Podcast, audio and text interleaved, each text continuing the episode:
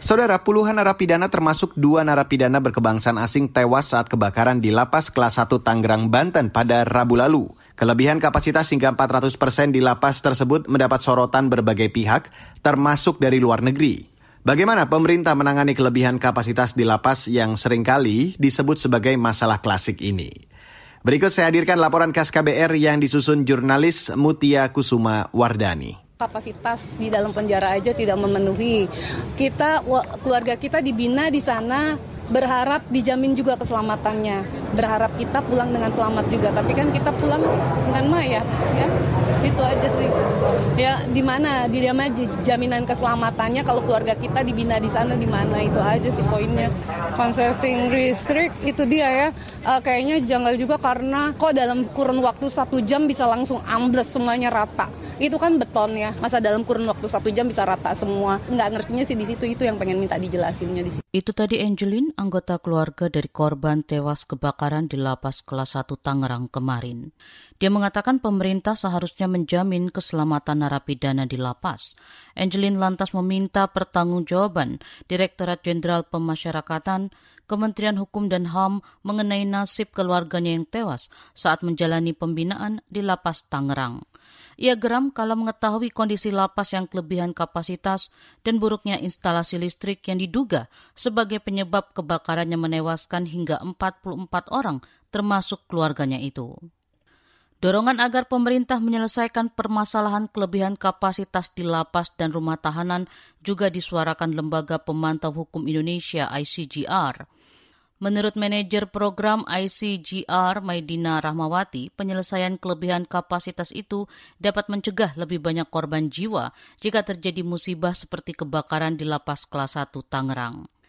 Kelebihan kapasitas juga terjadi salah satunya karena tidak harmonisnya sistem peradilan pidana, misalnya saja Undang-Undang Narkotika. ICGR menilai undang-undang narkotika telah gagal melihat perbedaan antara pengguna, pecandu, dan pengedar narkoba dalam menjatuhkan hukuman pidana. Itu pula yang akhirnya menyebabkan 30 ribu lebih pengguna narkoba dikategorikan sebagai bandar narkoba dan dijebloskan ke penjara, sehingga ledakan jumlah tahanan terjadi serta berdampak pada kelebihan kapasitas pada sebagian besar lapas di Indonesia. Itu bisa dimungkinkan untuk diberikan mekanisme alternatif lain selain dengan pidana penjara bagi penggunaan narkotika. Uh, itu yang jadi uh, satu catatan yang mendasar uh, hal yang paling jadi masalah yaitu reformasi kebijakan narkotika. Nah, di satu sisi ini juga menjadi PR mendasar gitu bahwa kebijakan peradilan pidana Indonesia, hukum pidana di Indonesia masih sangat berorientasi pada pidana penjara, masih bergantung dengan penggunaan pidana penjara dan sifatnya cukup uh, overkriminalisasi gitu. Maidina juga meminta agar pengguna narkoba ringan lebih baik diberikan skema rehabilitasi ketimbang hukuman penjara, bisa juga dengan mekanisme rawat jalan di rumah sakit atau puskesmas. Upaya ini dilakukan, kata dia, agar kepadatan di lapas tidak pindah ke lembaga rehabilitasi.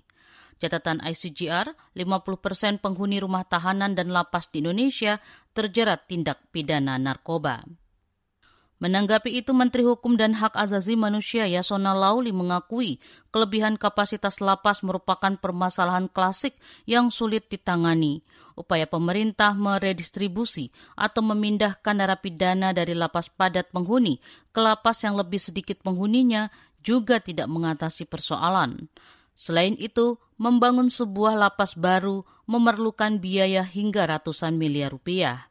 Di tengah kebuntuan mengatasi masalah kelebihan kapasitas lapas, revisi Undang-Undang Narkotika pun berulang kali disinggung Menteri Yasona. Revisi Undang-Undang Narkotika dianggap bisa mencegah kepadatan lembaga pemasyarakatan dengan memberi sanksi kepada penyalahguna narkotika cukup direhabilitasi, karena jika narapidana masuk semua ke lapas, maka kelebihan kapasitas itu akan kembali terulang. Tapi seperti saya katakan, kalau membangun terus membangun terus, tetap crime-nya tidak terjaga, itu karena efeknya tidak sebanding kemampuan membangun dengan jumlah kejahatan. Apa yang besar itu? Narkotik, kejahatan narkotika. Ini yang harus kita perangi. Dari segi regulasi, kami mau mengajukan perubahan itu supaya undang-undang narkotika kita robah. Itu strategi jangka panjang. Sebetulnya sudah masuk prolegnas. Demikian laporan khas KBR yang disusun Mutia Kusuma Wardani. Saya Fitri Anggreni. Kamu baru saja mendengarkan news wrap up dari KBR Prime. Dengarkan terus kbrprime.id, podcast for curious mind.